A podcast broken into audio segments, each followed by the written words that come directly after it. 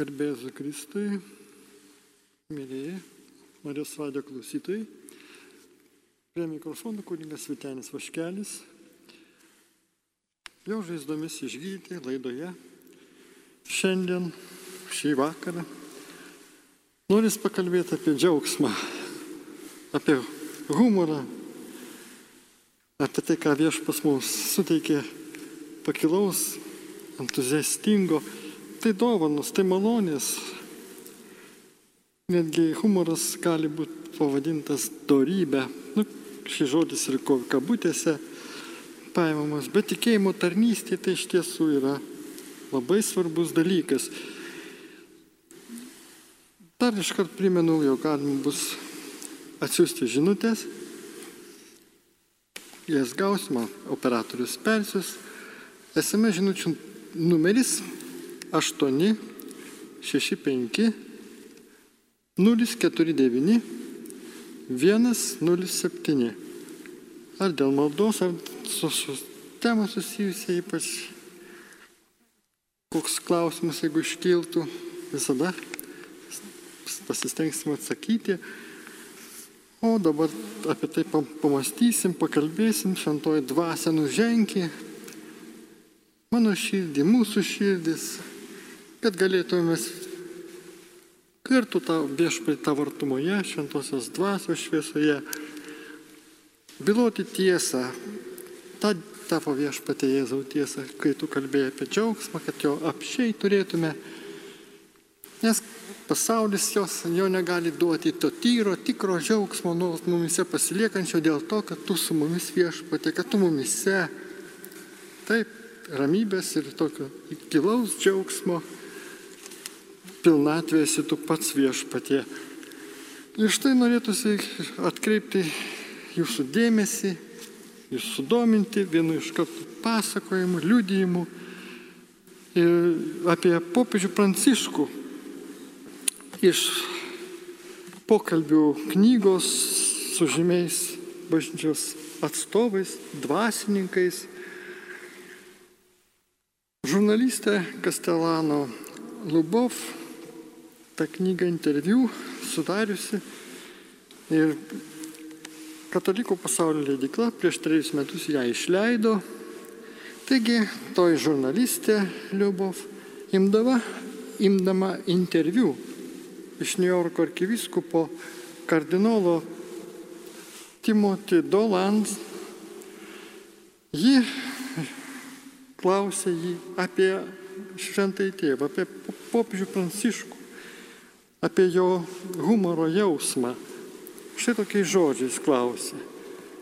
Ir jūs, kreipėsi į kardinolą Dolaną ir popiežius Pranciškus, turite puikų humoro jausmą. Taigi spėju, kad būta ir pašmaikštavimų, ir anegdotinių situacijų.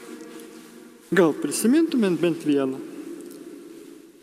Ačiū už komplimentą, atsiliepė kardinolas. Du nutikimai. Prisimenu, kaip jis mane patraukė per dantį vykstant pasirengimui jo paštaliniai kelioniai į New Yorką 2015 metais.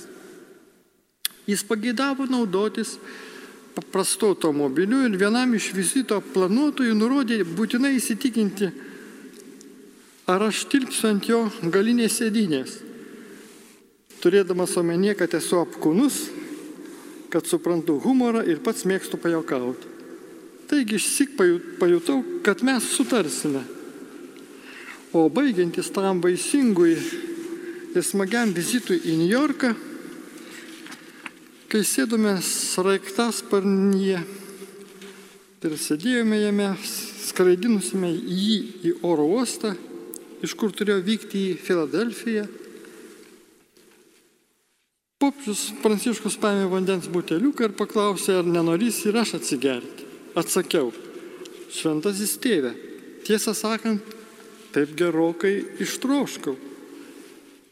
Per tas 34 valandas, kol esate čia, geriau nedaug, nes niekada nežinai, ar rasi tualetą. Jis nusijuokė ir pasakė, žinau, ką tai reiškia. Tai jūs nieko negerit? Šyptelės tariau. Vėliau gurkštelsiu šlakelį viskio, Jamesono ir jis užsikvatojo. Kai atskridome jis jau ėjo prie lėktuvo laiptelių, aš paskutinis paspaudžiu jam ranką. Jis sustojo, pažvelgė mane, baigė liūdimą kardinolas Timotį Dolaną ir pasakė, šiandien, čia žodžiaus, popiežiaus žodžius pakartoju, šiandien gurkštelkite du šlakelius, Jamesino atšveskite tokį puikų vizitą. Taigi nuostabus jo humoro jausmas, beje tikiuosi, kad ir mano panašus taip pasakęs kardinolas ir baigė savo liūdimą, kuris iš tiesų yra mums ir mielas, ir šiltas, ir džiugus, ir parodantis plačią popiežiaus širdį, kad iš tiesų galima būti paprastu laisvu žmogumi, nors gal kai kam ir kartais humoras ne visai suprantamas, kai būnam iš tiesų kitoj nuotaikoje arba to humoro nelabai stengiamės savo gyvenime palaikyti, ar, ar tiesiog praleidžiam pro ausis visas tos šmaikščius posakius ir kažkaip būnam per daug rimti. Todėl vat, galima iš karto ir pasakyti, tai pasižiūrėk kartais į savo, į save, tikėjimo šviesoje, mes galim pamatyti mūsų betodariško rimtumo ir pripažinimo siekį, kuris gali viešpatės akise būti jokingas, nes psalmė antroji štai ką byloja. Bet aukštybių sostės sėdintis juokėsi. Taigi savęs sureikšminimo jausmo apskritai prieštrauja ta humoro darybė. Ji pasirodo esanti labai reikalinga, kad sustiprėtų mūsų tikėjimas kaip tikro pasaulio ir tikrų jo proporcijų pažinimas. Žvelgti su humoru, tai matyti pasaulį, besisukantį, galima sakyti, ant tam tikros absurdo ir nesąmonės ašies. Humoro globėjas yra šventasis Tomas Moras. Šią temą yra daug puikios literatūros, galėtume trumpai prisiminti Chestertono, Luiso Maršalo, Šydo ir kitų autorių kūrinius. Jie atvirai rašo apie religinio komizmo vertę, apie humorą kaip tikėjimui tarnaujančią religinę tam tikrą procedūrą, tam tikrą priemonę, apie humoro net teologiją. Taigi, krikščionių tikėjimas geriausiai išreiškia džiaugsmą atrasta asmeninė Dievo meilė, kurią galime remtis ir kuriai galime atsiduoti. Taip išgyvenamas tikėjimas panaikina dramatišką fatalizmą net dėl savo paties padaryto blogio, nes mūsų gailėsis ir atgaila gali paversti jį laimingąją kaltę. Kabutėsi tie du žodžiai. Krikščionio tikėjimo džiaugsmas tai tarsi Dievo meilės spinduliavimas. Tai tikėjimas liepia tau šipsotis Dievui, džiaugtis jo meilę, o į save kartais tokį rimtą ir svarbų pažiūrėti tartum iš šalies, su sveiku humoru. Ta humoro darybė padės tau įveikti liūdėsio nuodus, kurių šetonas tengiasi įvardinti tavo sielą, o liaudamas rūpinti savimi, galėsi labiau gyventi tikėjimo džiaugsmu. Kunigas Tadeušas Daičiodinis, jis rašo savaip, netgi humorą prilygina egzorcizmui. Na, tam tikrą prasme tą žodį panaudojant. Su humoru žvelgdami pasaulį Ir matydami jo absurdiškumą, humorą galime panaudoti kaip religinę egzorcizmui prilykstančią priemonę. Kovodamas su pagundu, tave užkankinusių įkirių minčių banga, Tiesiog kartais neverta kariauti su šetonu, nes jis gali ir ant menčių tave paguldyti. Bet va štai, kai su malda tikėjimu jį imame ir pašiepiame viešpaties malonės, net prašydami. Taigi galime tai veiksmingiausiai jo ataką piktojo atremti, kaip pasišaipom iš jo. Nes jam tos patyčios skaudžiausias smūgis, nes jis jausdamas baisiai rimtas, svarbus ir didingas, labai bijo pajokos. Na ir žinot, bus priversas nuo tavęs atsitraukti. Krikščioniškasis humoro jausmas taip pat padės tau grumti su kitu tavo priešu, savojų aš. Tai taip pat baisiai rimtas ir svarbus, neliečiamas Na ir kartais toks absoliutus dievukas. Negalima jo paliesti, nei pajuokti, negalima įžeisti, nei kritikuoti. O kovojant su juo, humoras tampa religinė procedūra ir tikėjimo aktu, kai žvelgdamas į save, mėgini pamatyti tikrai savai aš. Juk iš tikrųjų esu toks mažas niekas. Tai kodėl laikau save pasaulio centru, kodėl savo reikalus laikau svarbiausiais? Kodėl taip labai išgyvenu savo nesėkmes ir sunkumus ir esu toks baisiai rimtas ir svarbus? Juk pakaktų į visą tai pažvelgti kiek pro pirštus ir pamatytume, kad tai dėl ko taip sielojamės, ko taip bijome, ko taip, ko taip rūpinamės, yra tiesiog juokinga palyginti su vienintelė svarbia ir didinga tikrove Dievu. Taigi krikščioniškas humoras verčia nuo sostų tavojo aš stabą.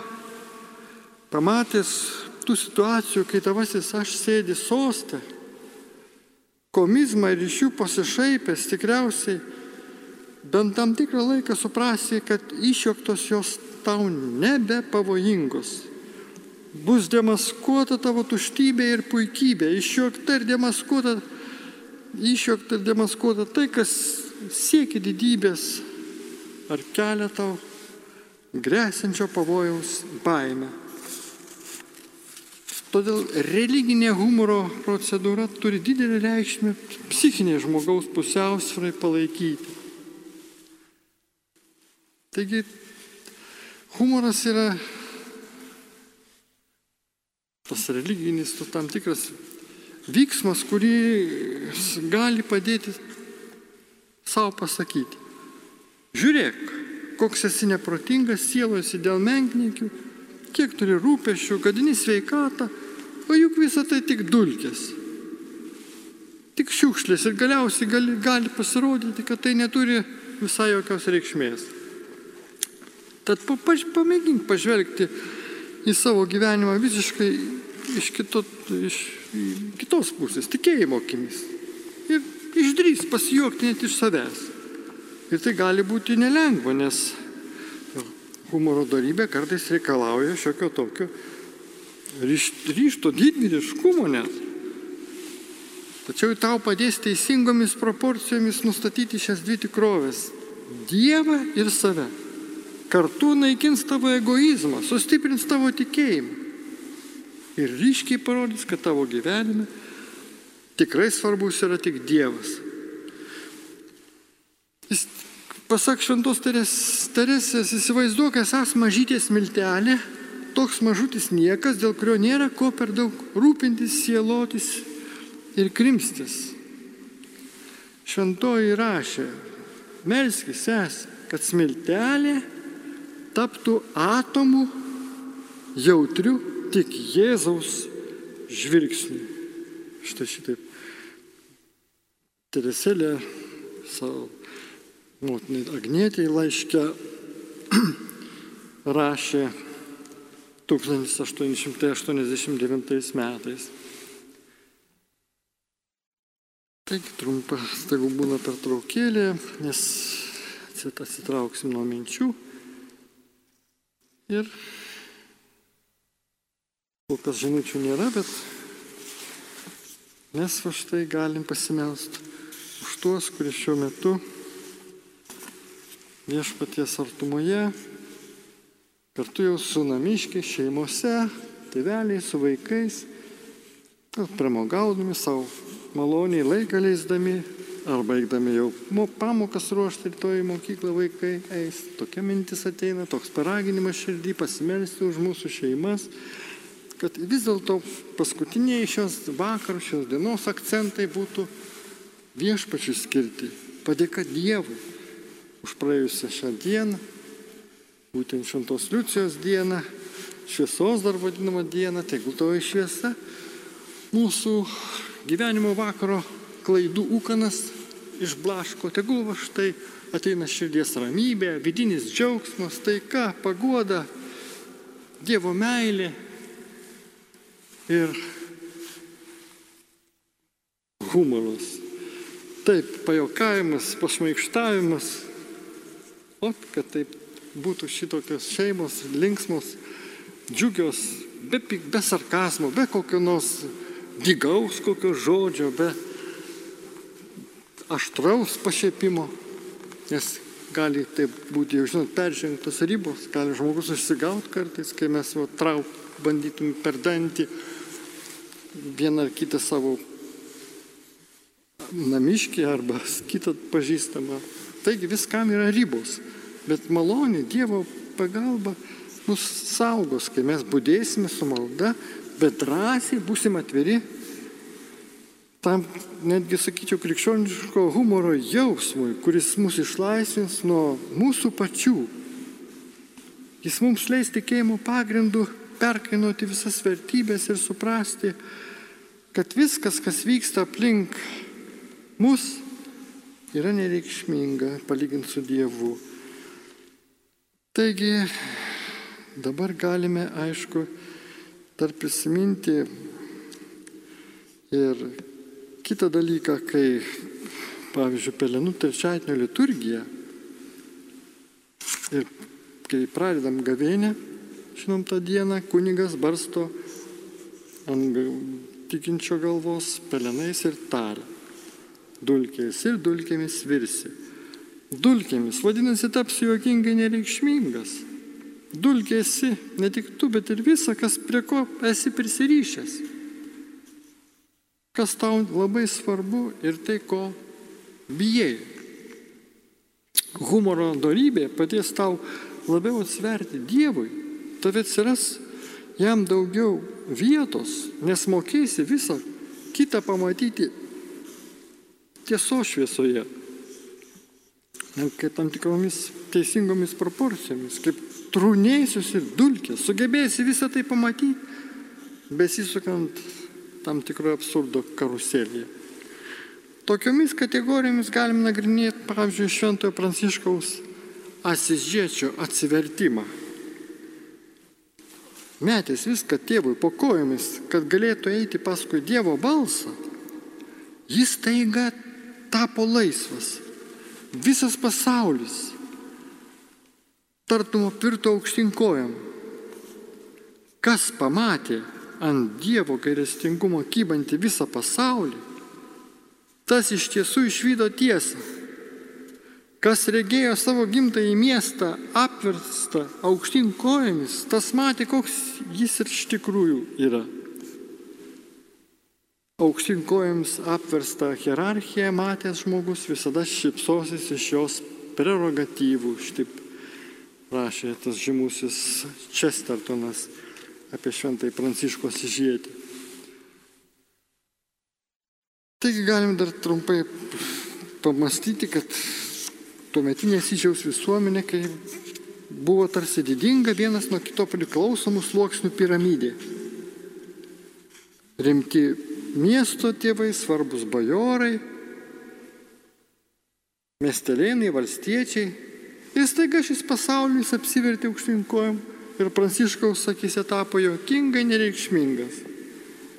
Pakako vieno gesto, kaip tas didingas Asyžius, didingų miestų tėvų, ponų, bajorų pasaulį susviruotų ir im, imtų griūti. Visą tai, ką Pranciškus pamatė, besisukant absurdo, besisukdamas absurdo karuselėje, visa tai tapo dulkėmis. Dievo akivaizdoje žmogaus jėgos pasirodė jokingai mažos ir bevertės. Pranciškus suprato, kad yra vienintelė rimta reikšminga tikrovė, dėl kurios verta gyventi, tai Dievas ir jo valia. Tik iš viešpaties valios niekada negalima juoktis, ją reikia pamilti. Reikia patikliai kaip vaikui laikytis to vienintelio svarbaus dalyko. Na, dabar jau gavome žinutę, prašom pasimelsti mūsų užtarimo maldą, Janinai dėl akių operacijos. Ir mes nedėlsdami prašom tos šviesos akims, kad medikams malonės, nes kartais tikrai neišvengiamai reikia atsiduoti į gydytojų, chirurgų rankas, tegul jie tikrai va štai atlieka tas sudėtingai, dėtingai kartais labai jautrę pacientui operaciją. Bet viešpas tikrai te padeda ir čia mūsų sergančiai tiesiog Janinai kantrybės, ramybės, malonių gausos.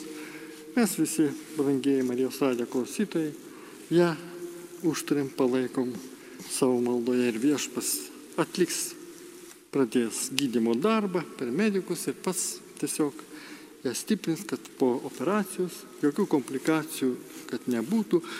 Ir Janina galėtų dėkoti už išgydymą, už operacijos sėkmę viešpačiui Dar galime toliau mąstymą tęsti apie tavo štai humorą, apie, kuris yra, sakytum, tam džiaugsmo pusbrolis, nu, tam tikras giminaitis, nes vis tiek tam tikras ryšys iš tikrųjų, žinome, labai yra artimas. Šventoji kūdikėlė Jėzaus Teresė sakė, sakė, esantis miltelė, toks mažutis niekas, taip pasireiškia jos kaip vaiko mąstysena, kuriai nebūdingas didelis rimtumas ir reikšmingumas, kuris yra daugelio mūsų nuodėmių priežastis. O tik paklausykit, juk dažniausiai artimiesiems nusidedame, kai dėl menkininkių įsižeidžiam. Esam tokie jautrus, kartais net per daug jautrus savo. Visiems opiems ir greit įsižeidžiantiems žmonėms būtinas humoro jausmas, kuris išvaduoja žmogų nuo paties savęs. Labai įžeidžiam, žmogų, įžeidžiam žmogui. Net mažiausia smulkmena tampa didžiausių dalykų. Jei įvairiausius konfliktus, ginčius ir nesusipratimus mokėtume pažvelgti su humoru, jei leistumėm, kad iš mūsų imtų ir pasijuoktų, net pasišaipytų, o mes tikrai piktai neatsakytume tai labai išauktų mūsų nuolankumas. Ir savivertė. Ir darybės, netgi čia tikrai tokia, va, kai atrodo nemjela girdėti tam tikrą pašaipėlę, bet galbūt va, tai iš tiesų tas žmogus, kai, kai apie mus kažką pasako, su humoru, su ir nusijokia, tai kągi viešpatė, duok mums malonę, tai paprastai, nuolankiai priimti netgi paskui ir padėkoti tau viešpatie ir iš karto, kad va galime ir neatsakyti jokių būdų piktai. Taigi, tikėjimo šviesos svarbi tik viena tikrovė, iš kurios negalima šaipytis, tai be abejo Dievas. Tad stenkis į save ir į tai, kas vyksta aplinkui, žvelgti ne taip rimtai, o labiau tikėjimo akimis. Ir tuomet pamatysi, kad dažnai tai, dėl ko sielojasi, yra tik juoko vertas dalykas. Bandyk šipsoti savo ir pasijokti iš savęs. Imk pavyzdį iš viešpaties, juk jis turi tikrai nepaprastą humoro jausmą. Pakanka prisiminti, kad savo atliekamo didžio darbo bendradarbiu išsirinko tave. Argi tai nėra nepaprastas humoro jausmas? Na taip, iš tiesų galima sakyti, kad taip yra, nes dabar pasiremkime ir tam tikrais pavyzdžiais. Šventųjų humoro darybė tapdavo tokiu heroizmu, kad neišblėsdavo net labai kenčiant ar net būnant mirties pavojui. Pavyzdžiui, Tomas Moras buvo šventas žmogus, tačiau juk tik žmogus kaip ir mes.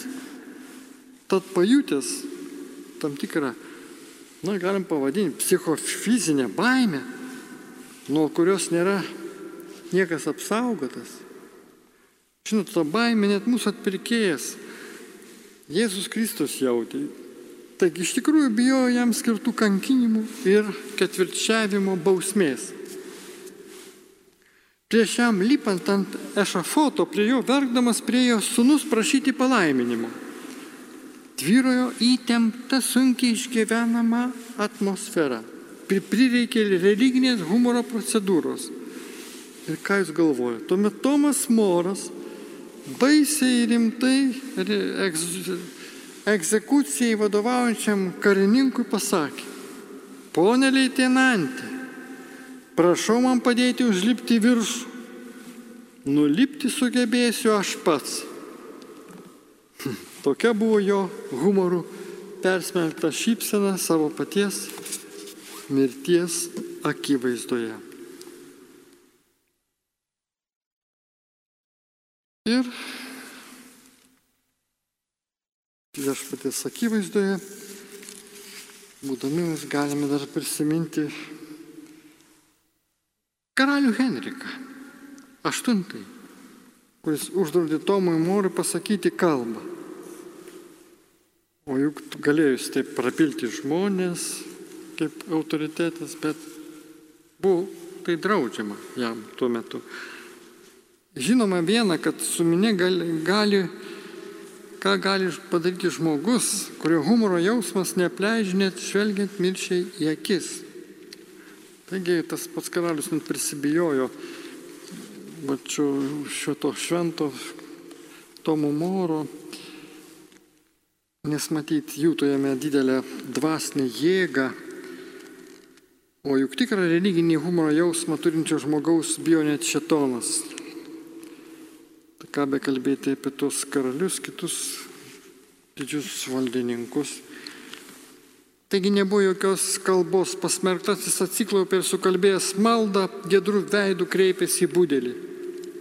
Įsidrasink žmogau ir nebijok atlikti savo pareigos.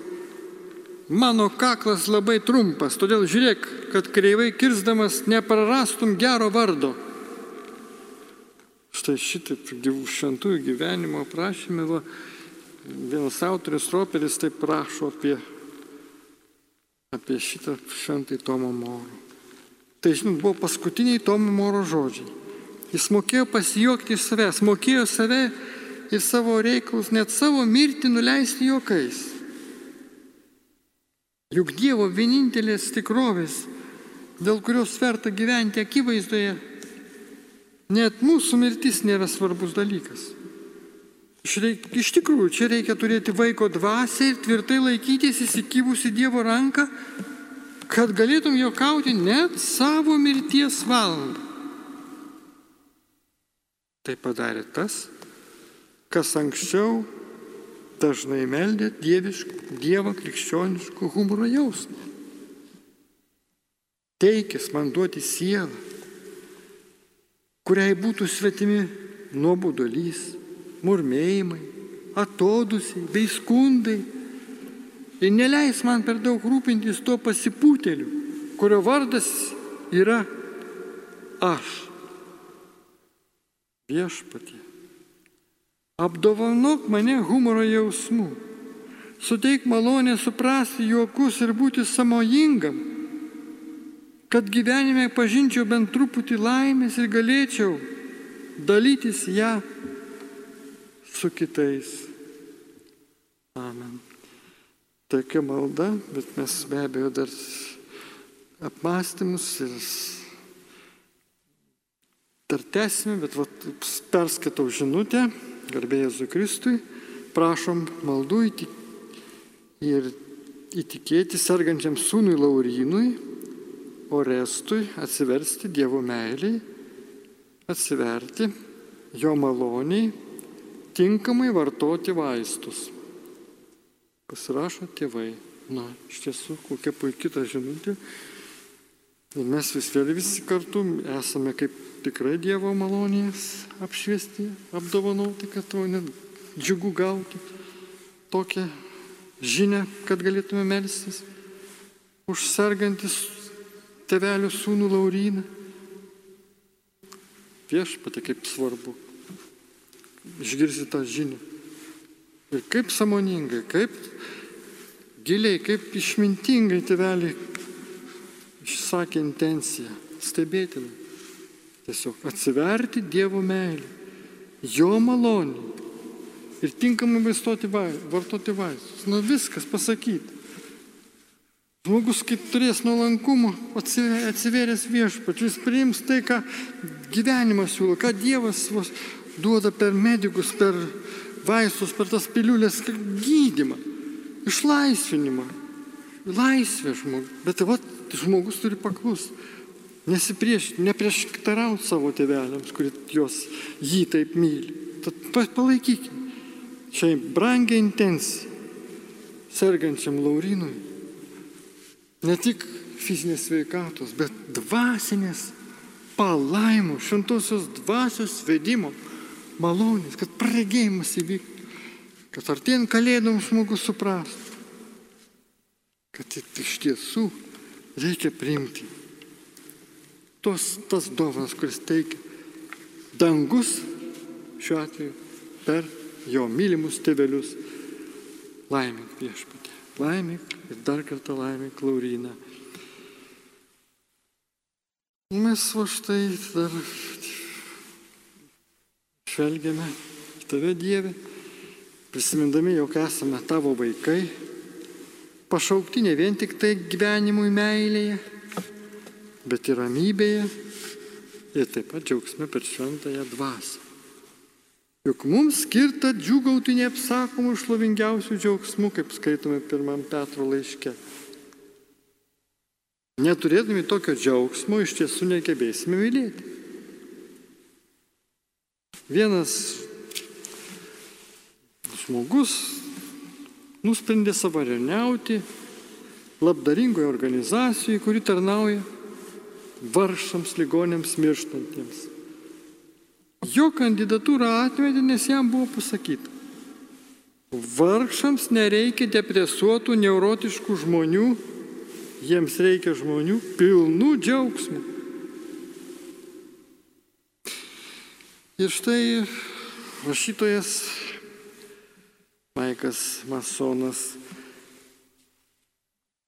knygoje apie džiaugsmą skyriuje rašo, klausia, kodėl vienuolis, brolis Lorenzas yra toks populiarus.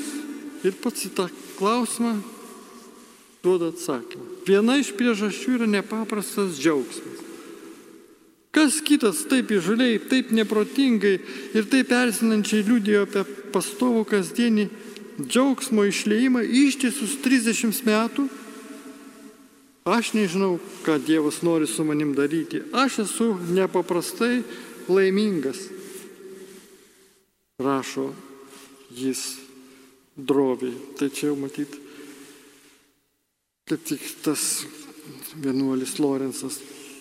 Visi žmonės kenčia, o aš, kuris esu nusipelnęs pačios griežčiausios bausmės, jaučiuosi nuolatos didžiai perpildytas džiaugsmo, kad vos galiu į savėje išlaikyti. Na ir kaip tai gali būti? Tai netrodo teisingai, tai nėra, netrodo net realu. Bet žinot, mes kai skaitome apie tą brolį Lorenzą, įmame tikėti jo džiaugsmu. Juk yra tokių žmonių, kuriems va štai džiaugsmo šaltinis yra Dievas, Evangelija. Semėsi ten tos ramybės, tos džiaugsmo pilnumos. Priema tos viešpatė žodžius, džiaukitės paraginimą, kai maldojat su Jėzumi bendraudamas žmogus, vienuolis, dvasininkas ar pasaulietis, atranda tą artumą. Ir dar išgirsta tai kartais to tyloj viešpatės balsą vedimą. Ta. Ką tai turėtų daryti, kaip gyventi, kad vengtų klaidų, liūdėsio ir su džiaugsmu stengtųsi vykdyti viešpatės valią. Taigi džiaugsmas yra tikrojo tikėjimo išbandymas. Savo džiaugsmu galime taip ir nesuprasti. Netgi kaip tas brolis Lorenzas jaustis nevertais to. Tačiau džiaugsmas bus mūsų. Jis yra realus, pastovus. O žinom, pastovumas bus jo realumo dalis. Ir dar turim pasakyti, kad kartais galvojam, kad džiaugsmas čia ateina, čia praeina, bet jo natūrali savybė vis dėlto yra pastovumas. Tikram dalykui nėra būdinga besikeičianti nuotaika. Nagi pats viešpas yra nekintanti realybė.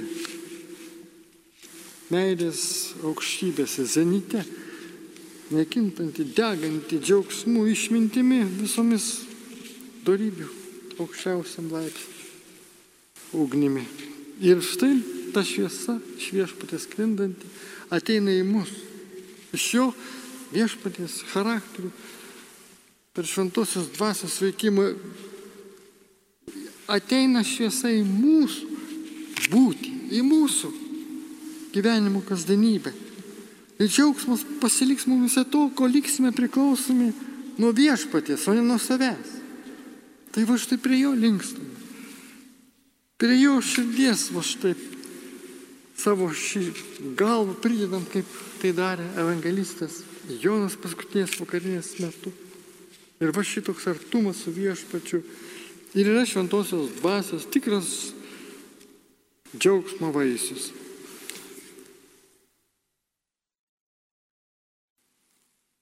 Dar žiūriu žinutę, prašymas yra. Pasimelskim už sergant, sergančius Romą, Jolantą, Aldoną. Tai būna viešpatė mūsų maldos, skirtos už juos, už tuos, kurie iš tiesų vienai par kitaip turi tų negalių, sunkumai.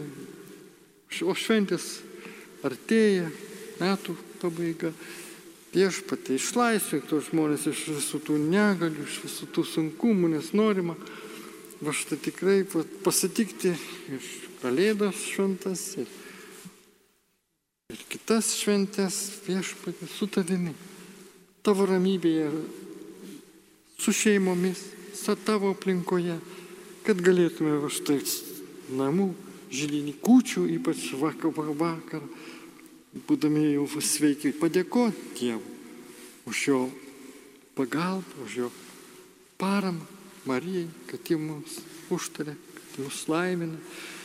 Ir kartu pasimelsti, atsiprašyti paskui aš, dėl tų visokių klaidų, galbūt dėl baimės ar net ir susirgti, bet vis dėlto susirgus ir prieš pačiu pavesti savo sveikatą, o paskui melsti Dievui tavo pagalbos, sveikatos prašant iš, iš gydymo malonės.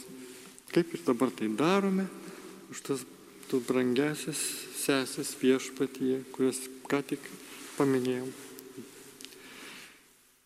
O štai dar vis dėlto prisimindami gamtos pasaulį, gėlės, kurios nuvysta ir sėklas, kurios džiūsta, nesuleidusios šaknų, va štai Tai visa tai natūralu. Būna taip gamtoje, tai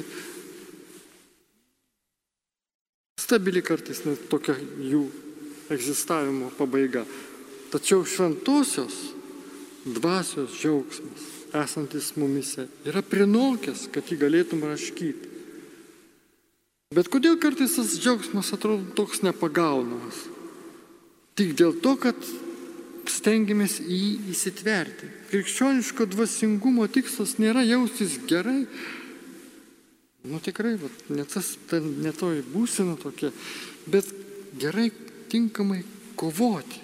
Kai tik susitelkime į gerą savijautą, tą pačią sekundę gali jau geri jausmai imti blėsti, bet mes prarandam džiaugsmą, nes manome, kad jį galima įsitverti. O negalvojame, kad tai yra mūsų gyvenimo dalis, mūsų būties dalis. Jei šį turtą saugotume savo širdyse, o ne rankose, žinotume, kad jo niekas negali pavokti. Bet štai tikrai čia skvarbi tokia brangi atsimintina mintis. Jei tą dvasinį turtą saugotume savo širdį, kas galėtų iš mūsų širdies tą lobį išplėšti? Taip viešpatė. Tai, kas iš tiesų turi vertę didžiausią, amžiną, kas, kas svarbu tau viešpatė, tai ir mums turi būti svarbu. Tad norime būti pripilti tuo džiaugsmu, kuriuo galėtume kvepuoti tarsi pilnais plaučiais. Nei vieno iš mūsų plaučiai nėra visą laiką pilni, mes privalome ne tik iškvėpti, bet ir įkvėpti. Tačiau degonės kiekis išlieka pastovus. Vadinasi, laikytis džiaugsmo yra tas pats, kaip sulaikyti kvėpavimą. Tai padarius džiaugsmas išsikvėpia. O kodėlgi laikomės įsitvėrę vieno įkvėpimo, kai mūsų įkvėpavimo niekas neriboja? Mes neuždusime, nes Dievas kvėpuoja mumis ir aplink mus. Tai žinodami dabar galim drąsiai iškvėpti, leis savo jausti tai, ką jaučiame nieko neneigdami. Džiaugsmingas krikščionis gyvena atsipalaidavęs, iškvėpdamas ir įkvėpdamas, duodamas ir primdamas meilės tiek, kiek jam reikia. Nes brangiai džiaugsmas ir meilė yra neišskiriami. Taigi negalim patirti vien tik džiaugsmo pilnumo. Tikras džiaugsmas aplanko mus tuomet, kai užmesgame santyki su kitais, su aplinkiniais. Ir štai vat, Jonas evangelistas savo laiškas štai kaip pradeda rašyti. Ir tai mes jums rašome, kad mūsų džiaugsmas būtų tobulas. O paskui laišką baigė sakiniu. Aš tikiuosi pas jūs atvykti ir pasikalbėti gyvų žodžių, kad mūsų džiaugsmas būtų tobulas. O ir štai apaštas Paulius jam antrina. Padarykite mano džiaugsmą tobulą, laikydamėsi vienos minties. Taigi džiaugsmo pilnu, pilna, pilnatvė mūsų aplanko, kai savo veiksmus, savo gyvenimą deriname su kitais žmonių reikalais. Kai iš tiesų taip elgiamės. Kai, pavyzdžiui, elektros grandinė yra uždara, šviesa įsijungia ir tada variklis ima dirbti užraumoju. Žmonės nėra sudėtingesni. Kad mes užsidegtume ir mūsų motoras, kabutė čia užraumotų, tad turime jausis prisijungę prie kitų. Ir štai dar vienas pavyzdys. Beisbolo žaidėjas, žaidėjas atsistoja į specialią zoną ir paruošia savo lasdą taip, kad atmuštų kamoliuką. Lasda yra specialiai sukurta, kad galėtų tai padaryti, atmušti. Lygiai taip ir mes esam sukurti, kad galėtumėm atliepti vienas kitam ir kai tik išpildome savo paskirtį ir sugebam užmėgsti gražų santykį. Va tada mūsų širdį užsidega tyro džiaugsmo šviesa. Tikrai tvirta, tokia tai, ta šviesa, nu, mus apšviečianti. Tyra šviesa, skaidri šviesa, pasiliekanti mumise. Dievo šviesa. Viešpas yra šviesa, jis pas taip pavadino save. Tad priimkim šiandien tą šviesos dieną viešpaties malonę į savo širdį. Pasiryškim gyventi to, tą šviesą, tą mal, ramybę, tą taiką, tą meilę, kurią viešpas mums dovanoja. Dikai imkite. Visi tik pas mane, ateikite pas mane.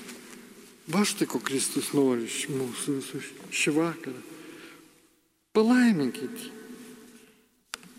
Teveliai savo vaikus šiandien eina milsėtis, tos mažylius, ir mačiutės seneliai, kurie štai taip pat klausote šią radiją. Laiminkit visus aplinkinius artimuosius, va, duokime tą štai gerumai, su džiugia nuotaika, tikėdami, kad viešpas mūsų maldas priema. Čia ir dabar jisai mus myli, mus apgobė savo meilės skarą ir sako, taip, jeigu jūs atėjote dabar pas mane, jūs neišeisite nepasikeitę. Jūs būsite pamilėti, būsite va štai pradžiuginti, būsite ramus labiau, būsite va štai pasikeitę. Tad patirkite maldos, vienybės, tuos vaisius kinkite juos, ragaukite patys ir duokite kitiems, liudykite apie mane viešpats kiekvienam iš mūsų bylos. Ir su džiaugsmu tai darykite. Evangelija yra geroji žinia, džiaugsmo naujiena. Tai ją skelbkim, neliūdės, nešfokusuojam dėmesį į tai, kas mums sunku, kas skauda, kas kankina. Atiduodam viešpatį tai tau, patys negalim susitvarkyti. Taip, su broliais įsirėmis tada melžiamės vieni už kitus ir sakom, viešpatė, tu gali tai padaryti. Tau nėra neįmanomų dalykų, tu mano problemą sutvarkyk, bet leisk man matyti. Atviromis akimis tavo šviesą, tavo meilę ir tavo šviesoje spręsti visas problemas, o ne problemų tų liūdėsi teikiančių, sukurie daryti kokius skubotus sprendimus, kurie paskui atsirūksta. Jis sako patys, kad va, pasiskupinau, bereikalo šitą. Liūdėsi pradėjau smarkauti, pradėjau va, kaip susirkęs ir priekaištauti ant gyvenimo, ant namiškio, ant savęs pykt viešpatė, visos neigiamos emocijos, visas piktis, visas neramumas, visas širdies skausmas, kuris va štai kaip mūsų, kaip žmonės legia ir va kaip kas susirga, dar kaip serga, kasdieną COVID-19, dar kaip persekintis, va, kai kuriems žmonėms net baimę sukeliantis dalykas.